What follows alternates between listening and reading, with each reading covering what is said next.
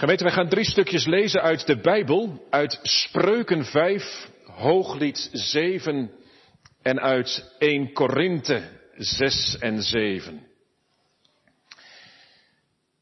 Vanmorgen een derde dienst in het kader van de serie preken over het thema trouw en liefde.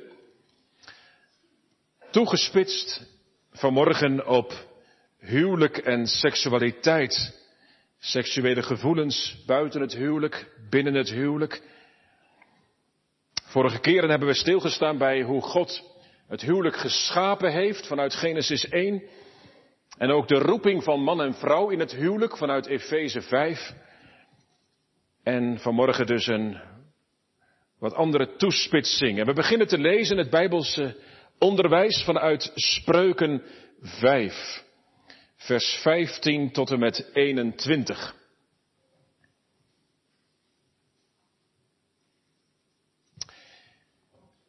In Spreuken 5, vers 15 klinkt het woord van God.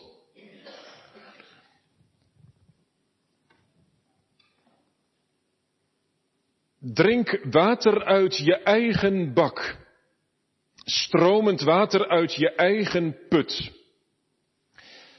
Laat je bronnen zich naar buiten toe verspreiden, de waterbeken op de pleinen. Laten ze van jou alleen zijn en van geen vreemde met jou. Mogen je levensbron gezegend zijn en verblijd je over de vrouw van je jeugd. Een zeer lieflijke hinde, een bevallig steengeitje. Laten haar borsten jou te allen tijden dronken maken dol voortdurend rond in haar liefde. Waarom zou je mijn zoon ronddolen bij een vreemde vrouw, de boezem van die onbekende omarmen? Want de wegen van een man zijn voor de ogen van de Heere. Hij weegt al zijn sporen. Tweede lezing, Hooglied 7.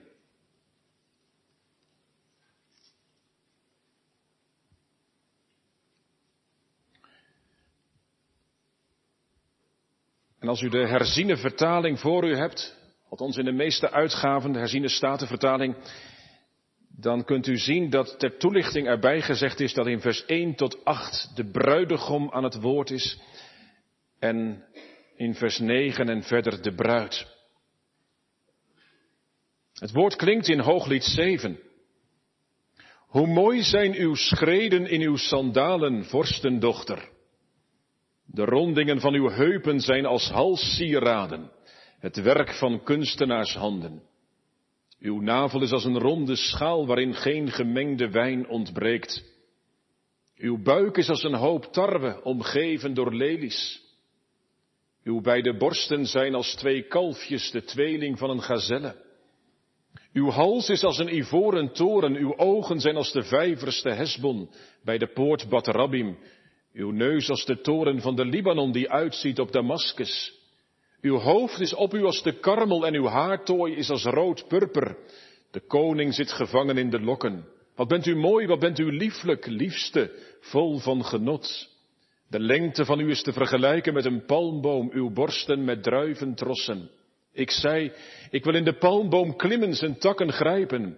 Laten uw borsten toch zijn als trossen aan de wijnstok de geur van uw neus als die van appels en uw gehemelte als goede wijn. Die stroomt, zo zegt de bruid, regelrecht naar mijn liefste en druppelt op de lippen van de slapenden. Ik ben van mijn liefste en zijn begeerte gaat naar mij uit. Kom, mijn liefste, laten wij naar buiten gaan het veld in, laten we overnachten in de dorpen. Laten we vroeg opstaan om naar de wijngaarden te gaan, om te zien of de wijnstok uitloopt, of de knoppen zich hebben geopend, of de granaatappelbomen gaan bloeien, daar zal ik u mijn liefde geven. De liefdesappels geven hun geur en aan onze deuren hangen allerlei kostelijke vruchten, verse en ook oude. Mijn liefste, die heb ik voor u bewaard. Derde lezing gemeente vanuit 1 Korinthe 6 vanaf vers 12 tot en met 7 vers 9. En dat is ook wel de kernlezing in de verkondiging. 1 Korinthe 6 vanaf vers 12.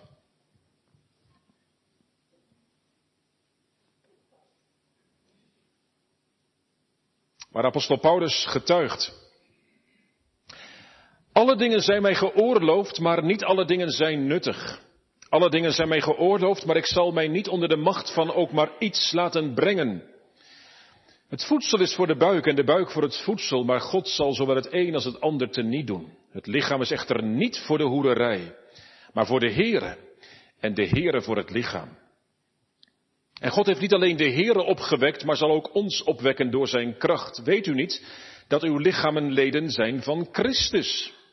Zal ik dan de leden van Christus nemen en die maken tot leden van een hoer? Volstrekt niet. Of weet u niet dat wie zich met een hoer verenigt, één lichaam met haar is? Want die twee, zegt hij, zullen tot één vlees zijn. Wie zich echter met de Heere verenigt, is één geest met hem, vlucht weg van de hoererij. Elke zonde die een mens doet, blijft buiten het lichaam. Maar wie hoererij bedrijft, zondigt tegen zijn eigen lichaam. Of weet u niet dat uw lichaam een tempel is van de Heilige Geest, die in u is en die u van God hebt ontvangen, en dat u niet van uzelf bent. U bent immers duur gekocht. Verheerlijk daarom God in uw lichaam en in uw geest die van God zijn. Wat nu de dingen betreft waarover u mij geschreven hebt, namelijk dat gezegd wordt, het is goed voor een mens om geen vrouw aan te raken, laat vanwege allerlei vormen van hoererij iedere man zijn eigen vrouw hebben en iedere vrouw haar eigen man. Laat een man aan zijn vrouw de verschuldigde bereidwilligheid betonen, evenzo ook de vrouw aan haar man. De vrouw heeft niet de beschikking over haar eigen lichaam, maar de man. En zo heeft ook de man niet de beschikking over zijn eigen lichaam, maar de vrouw. Onttrek u niet aan elkaar, behalve dan met onderling goedvinden voor een bepaalde tijd, om u te wijden aan vasten en bidden. Kom daarna weer bij elkaar, opdat de Satan u niet zal verzoeken omdat u zich niet kunt onthouden. Dit zeg ik echter als tegemoetkoming, niet als bevel. Want ik zou wel willen dat alle mensen waren zoals ik zelf. Maar ieder heeft zijn eigen genadegave van God. De een op deze wijze, de ander op die wijze. Maar ik zeg tegen de ongehuwden en de weduwen, het is goed voor hen als zij blijven zoals ik. Maar als ze zich niet kunnen beheersen, laten ze dan trouwen. Want het is beter te trouwen dan van begeerte te branden. Gemeente, tot zover de lezing van het woord van God. Gemeente van Christus. Gisteren was er een reformatieherdenking, gisteravond in de dorpskerk en morgen is het hervormingsdag. En een van de kernnoties behorend bij de reformatie is het sola scriptura. Alleen de schrift. Maar dat sola scriptura moet samengaan met het tota scriptura. Heel de schrift. En gemeente, als je heel de schrift wilt laten spreken, dan zal het in de kerk ook moeten gaan over seksualiteit. Ik vergeet niet dat een jongere dat ooit tegen mij zei. En ik zeg het maar met zijn eigen woorden. Dominee, overal gaat het over seks, waarom in de kerk niet? Nou ja. Wat zegt de Bijbel over huwelijk? over seksualiteit? Dat is de vraag van morgen. Misschien voelt u zich daar wel een beetje ongemakkelijk bij. Misschien ik soms ook wel. Huwelijk en seksualiteit. Als dat thema klinkt vanaf de kansel. En nee, als dienaar van het woord ben ik niet geroepen om een psychologie of een biologieles te geven vanmorgen. Ik weet me wel geroepen om het woord van God ook over deze thema's na te spreken. En uh, de Bijbel wint er geen doekjes om. Ik las ergens, de Bijbel is een lastig boek voor preutse mensen. Want open en bloot schrijft de Heere God, laat de Heere God optekenen wat hij voor ogen heeft over de seksuele omgang tussen man en vrouw. En gemeente, eerlijk is eerlijk, vaak horen wij in de kerk vaker het opgestoken vingertje. Bij echtscheiding, bij homoseksualiteit, bij samenwonen, eh, bij seksuele omgang voor het huwelijk. En ja, als het gaat om vermaningen in de Bijbel, in het Oude Testament, maar zeker ook in de brieven van Paulus, dan, dan staan de vermaningen over zonden op seksueel vlak wel met kop en schouders bovenaan. Het is niet de enige zonde en het is ook helemaal niet de ergste zonde, maar het is wel de zonde die verschrikkelijk verwoestend doorwerkt. In Colossense 3 bijvoorbeeld worden wij opgeroepen de zonde in ons leven te doden. En dan staan er eerst vier woorden, moet u horen. Ontucht, onreinheid, verkeerde hartstocht, verkeerde verlangens. En dan komen er nog een paar andere. En in Galaten 5 gaat het al net zo. Dan staat er, het is bekend wat de werken van het zondige vlees zijn. Overspel, hoererij, onreinheid, losbandigheid. En dan volgen er nog een paar andere. Op het gebied van de seksualiteit zijn de valkuilen zo groot. Maar gemeente, dat, dat opgestoken vingertje, als dat nou alles is wat we vanuit de Bijbel hardop tegen elkaar kunnen zeggen, ook naar onze kinderen, ouders, dan is het echt te kort hoor.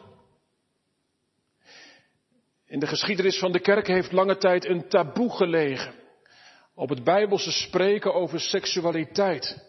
Er zijn grote theologen geweest. Ik ga nu geen namen noemen, maar ook mannen die zomaar vanaf de kansel geciteerd zouden kunnen worden. Grote theologen geweest die zagen seksualiteit enkel en alleen als noodzakelijk voor de voortplanting. En als je die mening bent toegedaan, dan is elke vorm van seksueel genot bij voorbaat verdacht. En je kunt best wel begrijpen dat die overtuiging ontstond. Want er gaat zoveel kapot op het gebied van seksualiteit. En ook onder ons zijn er nogal wat die daarvan weten. En ik bid dat de Heere balsem schenkt in die wonden, die geslagen zijn. En, en als je je eigen hart een beetje kent, jongeren, ouderen, hoe makkelijk worden gedachten of gevoelens niet geprikkeld op een manier waarvan je voelt dat het niet heilig is en dat het niet zuiver is. Zoveel in onze samenleving speelt erop in. En dan is het visuele datgene wat je ziet. Bij mannen nog sneller iets wat dingen oproept dan bij vrouwen. Gemeente, het is niet moeilijk om vanmorgen in een klaagzang te vervallen. Maar dat mag het niet zijn. Want jongeren, ook de seksualiteit is door God geschapen. En daarover is de Bijbel in beginsel buitengewoon positief. We lazen samen uit Spreuken 5. Verblijd je over de vrouw van je jeugd. Laten haar borsten jou te allen tijd dronken maken, dol voortdurend rond in haar liefde. Nou, dat is niet vaag. Dat is niet vaag. Als getrouwde man word je in die tekst aangemoedigd om je te laten bedwelmen in de liefde van je vrouw. Ik heb wel eens gezegd tegen een stel dat ging trouwen en die op huwelijksreis gingen. Ik zei, lees tijdens je huwelijksreis dan samen maar eens hoofdstuk voor hoofdstuk het boek Hooglied. Mag je gerust doen. En het is helemaal niet zo erg als je je wangen dan een beetje rood kleuren af en toe. God heeft de seksualiteit als een gave gegeven. Om ingetogen, maar ook opgetogen van te genieten. Het is niet zo dat de Bijbel zegt, nou ja, vooruit dan maar, het mag. Nee, nee. Juist na de zondeval spreekt de Bijbel positief over seksualiteit. En vanwege die hoge plaats die God geeft aan de seksualiteit, aan de intieme seksuele omgang, juist daarom geeft God het huwelijk iets wat kostbaar is, moet je beschermen. En zo hoog acht God de seksualiteit dat het een veilige plek behoeft. Gemeente, we letten straks eerst op seksuele gevoelens buiten het huwelijk, om vervolgens stil te staan bij seksualiteit binnen het huwelijk. Maar eerst nog dit, en dat is echt een vraag naar u, naar jouw hart.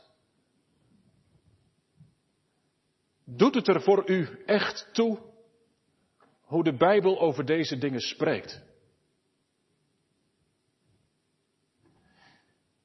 Want, want, als Paulus dit aan de orde stelt, dan klinkt het in 1 Korinthe 6, vers 19. Weet u niet dat uw lichaam een tempel is van de Heilige Geest?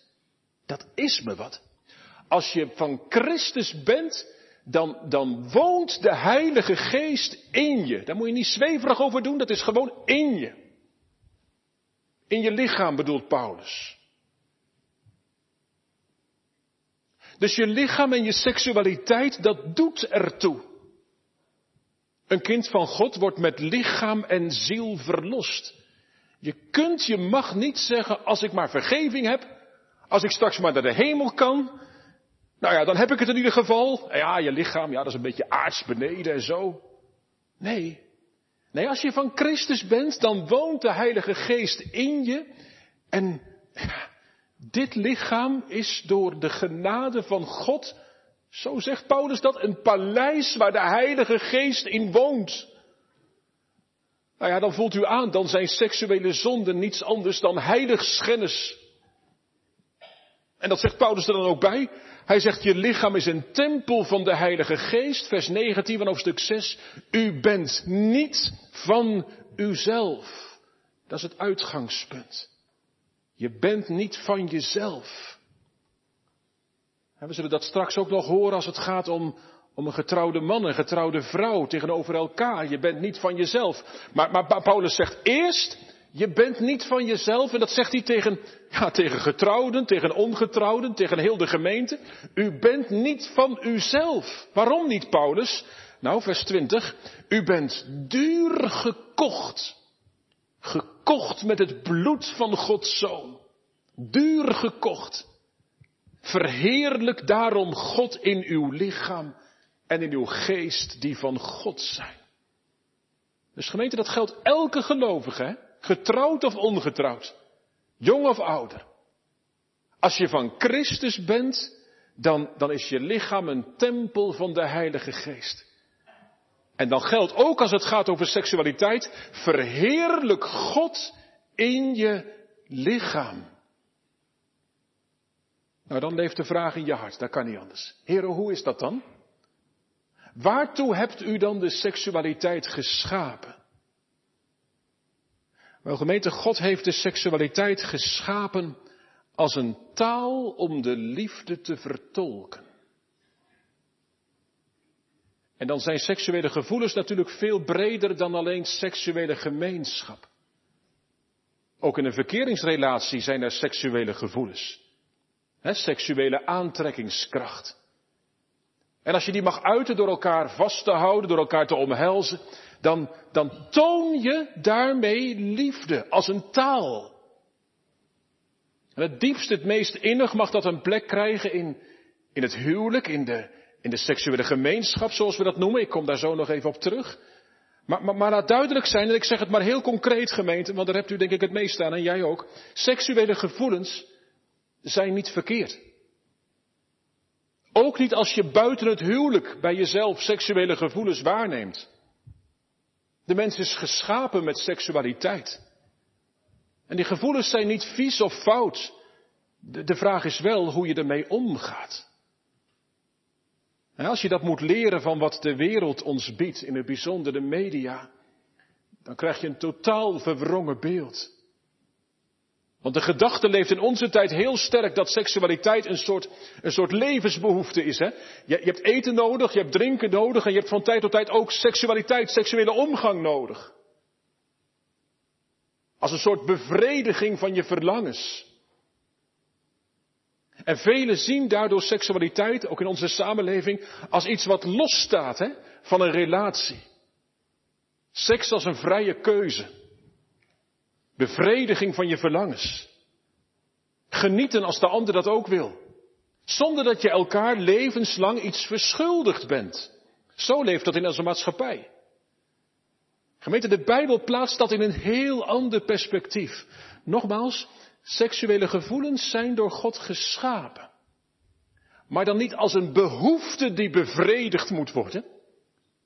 Nee, God wil dat die seksualiteit functioneert als een taal. Een taal waarmee de liefde in de meest intieme vorm kan worden geuit.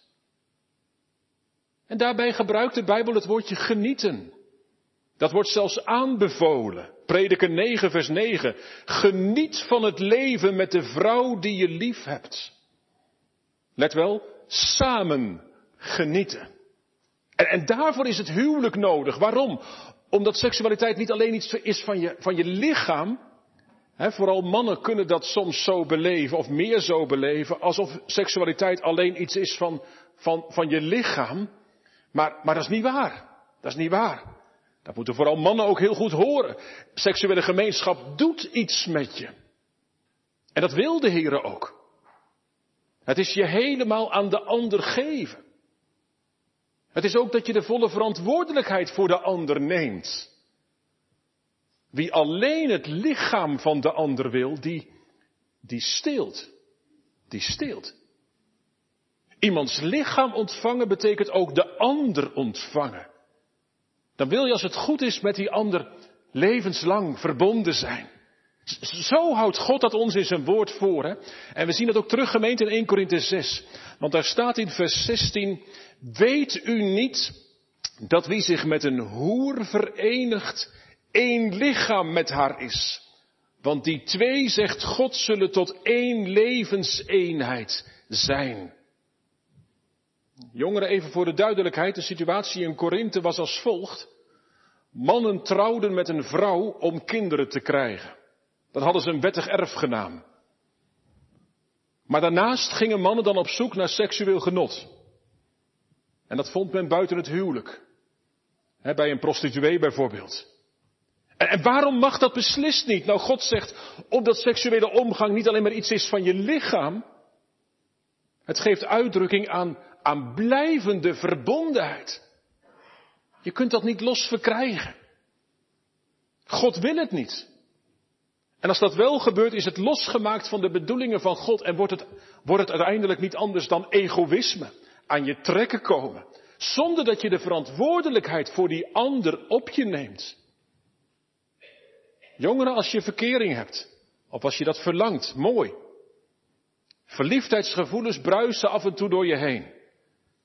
En het is heel gezond dat je, dat je van elkaar houdt en dat je naar elkaar gaat verlangen, meer en meer, ook lichamelijk. Maar waarom dan wachten met seksuele gemeenschap totdat je getrouwd bent? Omdat die seksuele gemeenschap niet los verkrijgbaar is. Je bent toch ook niet alleen maar uit op het lichaam van die ander? Je wilt helemaal bij hem of bij haar horen. En voor de ander zijn. En, en daarvoor is dat onverbrekelijke verbond van het huwelijk nodig. Als een veilige omheining waarbinnen je vertrouwelijk met elkaar kunt leven. Ik dacht gemeente, als ik een vertrouwelijk gesprek met een van u heb, dan doen we de deur van het kamertje dicht, toch? Dan wil je vertrouwelijk met elkaar spreken. Als je vertrouwelijke omgang kent in het huwelijk met je man, met je vrouw, dan moet dat veilig zijn. Veilig binnen de omheining van het huwelijk. Binnen een belofte van levenslange trouw. Want als je die keuze maakt en op je trouwdag publiek belooft, ik ben en blijf jou trouw, dan zeg je eigenlijk, ik waardeer jou zo hoog. En ik waardeer ook de seksuele omgang zo hoog, dat ik jou eerst mijn woord van trouw geef. Voordat ik jouw lichaam helemaal wil ontvangen. En jongeren, dan zeg ik daar praktisch iets bij. Want verkeringsperiodes duren vandaag de dag soms veel te lang. Ik weet dat het lastig is om een huis te vinden. En ik weet dat er allemaal problemen kunnen zijn als het daarover gaat. Maar er speelt volgens mij ook iets anders. En dat is dat in onze tijd heel sterk leeft dat je eerst je schaapjes op het droge moet hebben. Je moet genoeg geld hebben. Je moet een flink huis kunnen kopen, of in ieder geval een huis waar je tevreden over bent. Je moet een flinke dag kunnen organiseren. Nou ja, als dat betekent dat de seksuele verlangens te groot worden, dan maak je een verkeerde keuze. Een klein plekje kan ook prima zijn om de dag te beginnen, om je huwelijk te beginnen. En Paulus schrijft dat heel nuchter in 1 Korinthe 7 vers 9. Hij zegt het is beter te trouwen dan van begeerte te branden. Hij zegt, maak het jezelf ook niet te moeilijk, alsjeblieft. En gemeente, daarmee ga ik nog een stapje verder, want, want hoe zit dat dan als je geen relatie hebt?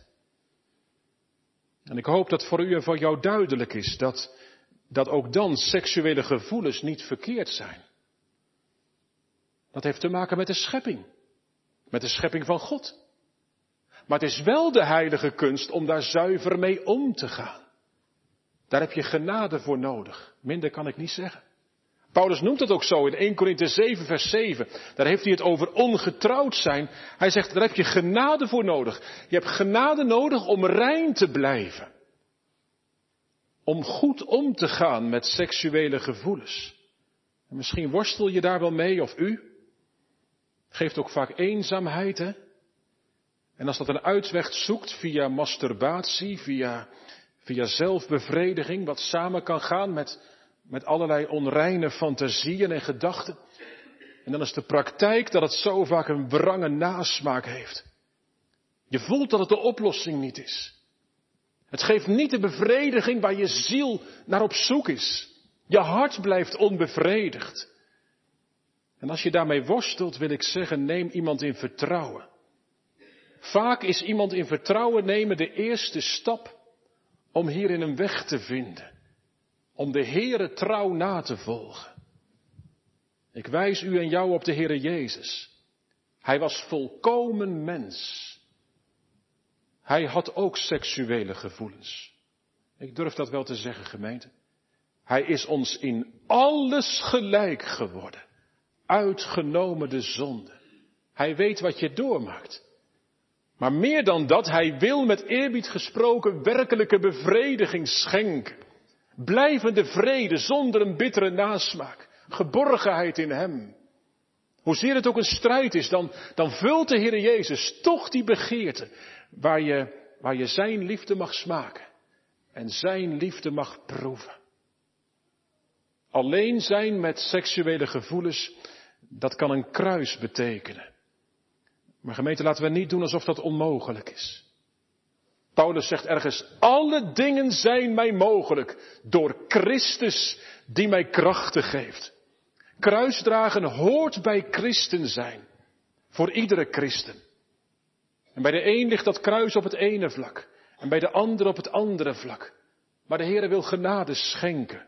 Ook om dit kruis te dragen. Geldt ook de worsteling met homoseksuele gevoelens. Dan is de eenzaamheid van je strijd misschien nog wel groter. Kan op allerlei momenten en manieren aan de orde zijn. En wat kan het een strijd geven? Juist als je eerlijk bij het woord van de Heere wilt leven. want vanuit de Bijbel is heel duidelijk. We hebben dat vorige keren ook gezien. Dat seksuele omgang alleen een plaats kan en mag hebben binnen de relatie van één man en één vrouw. En dat een homoseksuele relatie haaks staat op wat de Bijbel ons voorhoudt.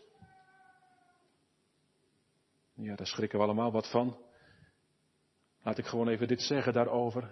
Er zijn twee broeders bij, de koster is erbij. Als het nodig is, zal ongetwijfeld eh, contact gezocht worden met hulp die daarvoor nodig is. Gemeente, laten we proberen ons te concentreren op het woord, ik en ook u. Ik zei, wat kan het een strijd geven? Juist ook in homoseksuele gevoelens die er zijn. Ik wil ook dit heel nadrukkelijk tegen u en jou zeggen. Het betekent niet dat je met een homoseksuele of lesbische gerichtheid een mindere positie zou innemen voor God. Zeer zeker niet. Je hebt juist de gemeente van God nodig om je omringd te weten door anderen.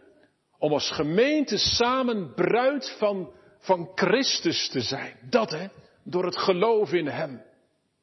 En dan is de strijd misschien zwaar. Juist ook in een wereld waarin je uitgenodigd wordt om je seksuele behoeften te bevredigen. Maar de Heere roept je op om bij Hem, ja, genade te ontvangen, die genoeg is. En ik zeg het opnieuw, gemeente, neem iemand in vertrouwen wanneer dat aan de orde moet zijn. Dat mag. Ook in de gemeente, je wordt niet afgewezen. Als gevormde gemeente van Oud-Beierland verlangen we een gemeenschap te zijn waar Christus de dienst uitmaakt en waar we elkaar gegeven zijn. En in dat licht gemeente moeten we ons ook niet laten aanpraten dat ons mens zijn bestaat uit onze seksuele gerichtheid. Je bent niet allereerst homo of hetero.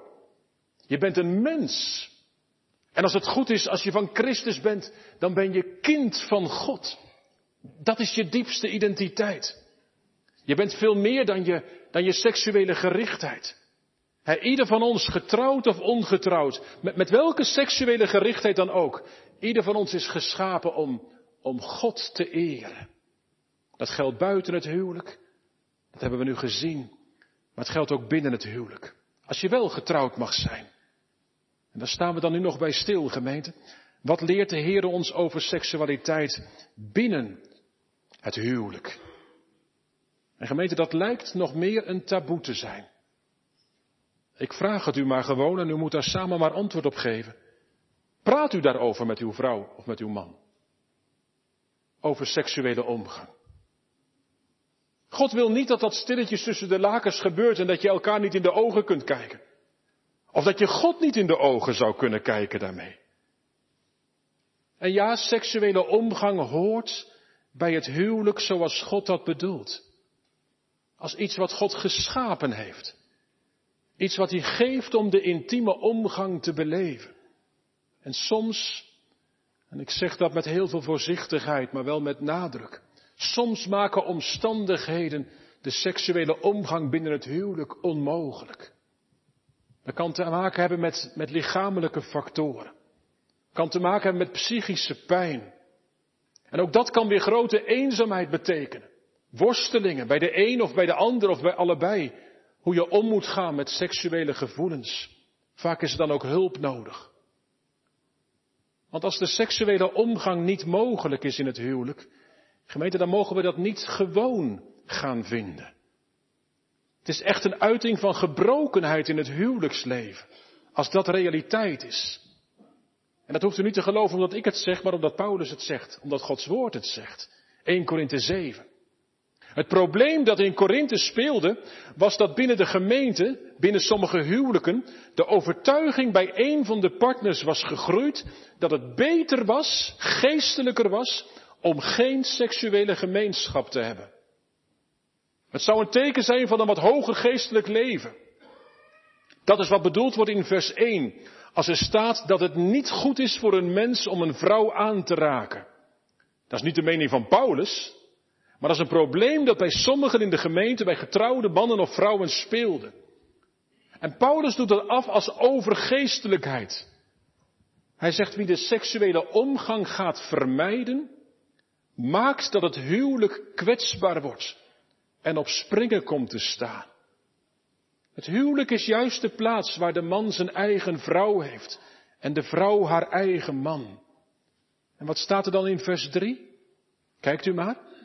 Laat de man aan zijn vrouw de verschuldigde bereidwilligheid betonen en evenzo de vrouw aan haar man. De verschuldigde bereidwilligheid. Dus heeft te maken met, met een roeping binnen het huwelijk. Het is niet een kwestie van als ik er zin in heb. Of, uh, of alsof het puur, puur genot zou zijn. Nee, nee, Paulus stilt die seksuele gemeenschap op een hoger plan. En dan zijn er twee dingen gemeenten die niet mogen. Je mag het niet opeisen. Omdat jij het nodig hebt voor bevrediging van je seksuele behoeften. Maar je mag het ook niet achterhouden. Dan beroof je elkaar. En heel krachtig staat dat in vers 4. De vrouw heeft niet de beschikking over haar eigen lichaam, maar de man.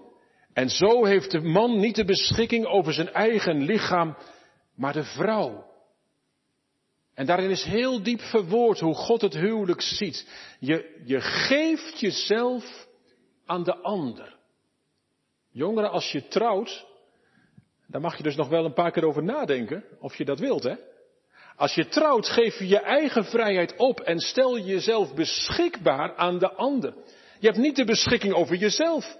Je bent één en jouw leven, ook jouw lichaam, is van die ander.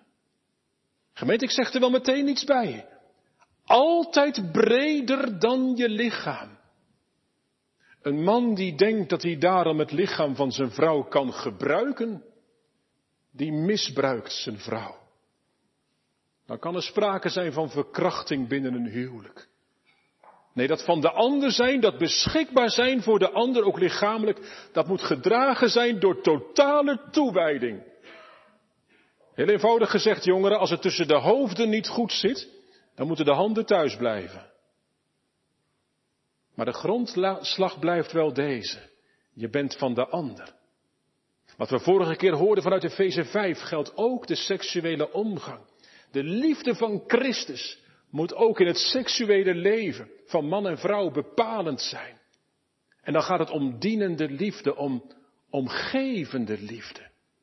En ook, laat dat met nadruk gezegd zijn, dan gaat het ook om het ontvangen van de liefde van de ander. Dan is het een uiting van liefde als je ruimte geeft aan de ander om nee te zeggen. Het is ook een uiting van liefde als je ruimte geeft aan de ander om zijn of haar verlangens kenbaar te maken. En om ook die te willen beantwoorden. Als man moet je dan leren op welke manier jouw vrouw liefde en intimiteit nodig heeft. En dat mag zich niet beperken tot lieve woordjes in bed. Dat moet ingekaderd zijn in een leven. In een leven van toewijding. Waarin je verlangt de ander, je vrouw, te kennen en teer lief te hebben. En als vrouw mag je dan ook leren hoe anders jouw man misschien is in zijn lichamelijke verlangen. En dat die lichamelijke verlangens niet slecht zijn. En dat je die als vrouw mag beantwoorden. Niet zozeer omdat je ergens zin in hebt, maar omdat je je man wilt dienen. Omdat je hem toegewijd wilt zijn. Aangemeente, de seksuele omgang is een hele uitdaging binnen het huwelijk. Maar als de liefde van Christus leidend is, mag het ook een prachtige ontdekkingstocht zijn. En mannen, jongens, en misschien moet ik even goed zeggen vrouwen, meisjes, dat weet u zelf. En jij. Laat je niet leiden door wat de wereld hierover te bieden heeft. Beelden via pornomateriaal op je netvlies zijn verwoestend voor een gezonde seksuele relatie in het huwelijk. Als je die beelden te zien krijgt, fantasiebeelden, hè? Jongens, laat je niet gek maken. Dat zijn pure fantasiebeelden, hè? Waarin fantasie wordt uitgespeeld en niks anders. Het is helemaal niet reëel. Een uiting van zondige fantasie. Laat je niet vernielen. Neem de wapens op. Ook tegen die verleidingen. Welke wapens nou bidden. En ook Gods woord lezen, zoals we dat nu ook mogen doen samen. Want het is één van tweeën gemeenten. Dit boek houdt jou bij de zonde vandaan. Of de zonde houdt jou bij dit boek vandaan. Gemeente, als je getrouwd bent, oefen je samen in de weg die God je ook in het seksuele leven wijst. Dat gaat niet vanzelf. Daar is gesprek voor nodig. In situaties van overspel komt het voor dat achteraf gezegd wordt, we hadden al een jaar of langer geen seksuele omgang met elkaar. En nee, dat is nooit een vrijbrief voor overspel. Dat niet. Maar de vraag aan man en vrouw allebei is wel, waarom niet met elkaar gesproken? Waarom geen hulp gezocht? Misschien kon je vrouw het niet meer om lichamelijk één te worden, omdat de noodzakelijke levenseenheid ontbrak, omdat de man wel haar lichaam wilde, maar niet haar leven. Dan vraag ik jou, getrouwde man, waarom heb je je vrouw alleen gelaten? In haar verlangen naar geborgenheid en naar intimiteit. Maar het kan ook andersom. Dat de vrouw zich te gemakkelijk heeft teruggetrokken. Dat ze heeft bijgedragen aan de eenzaamheid van haar man. En dan vraag ik jou, getrouwde vrouw, waarom heb je je man alleen gelaten? Met zijn seksuele gevoelens en verlangens. Tijdelijke onthouding kan een keuze zijn, heel bewust, maar dan wel een gezamenlijke keuze. Paulus zegt in 1 Korinthe 7 vers 5, onttrek u niet aan elkaar behalve met onderling goedvinden.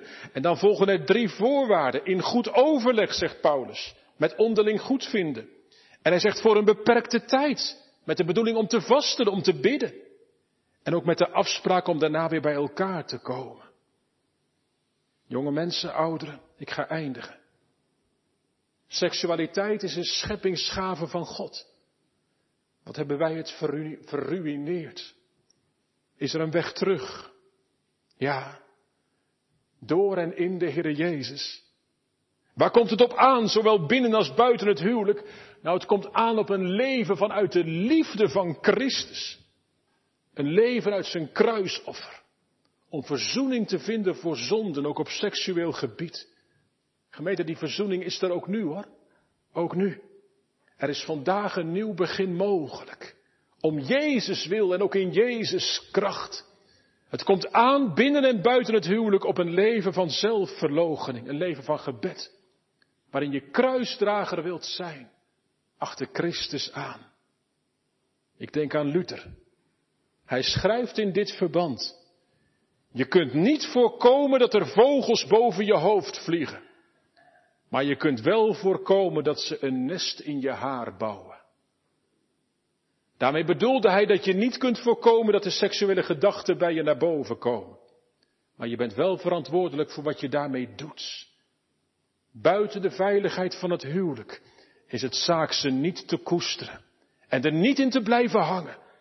En binnen het huwelijk is het zaak dat ze ingebed zijn in die totale levensgemeenschap van man en vrouw.